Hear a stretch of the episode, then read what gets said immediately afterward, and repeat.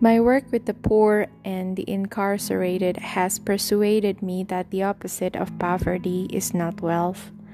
The opposite of poverty is justice. Finally, I've come to believe that the true measure of our commitment to justice, the character of our society, our commitment to the rule of law, fairness, and equality cannot be measured by how we treat the rich, the powerful, the privileged, and the respected among us.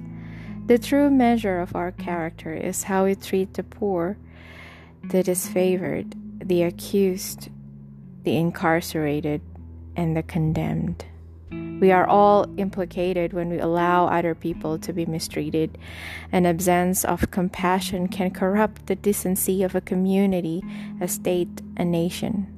Fear and anger can make us vindictive and abusive, unjust and unfair, until we all suffer from the absence of mercy and we condemn ourselves as much as we victimize others.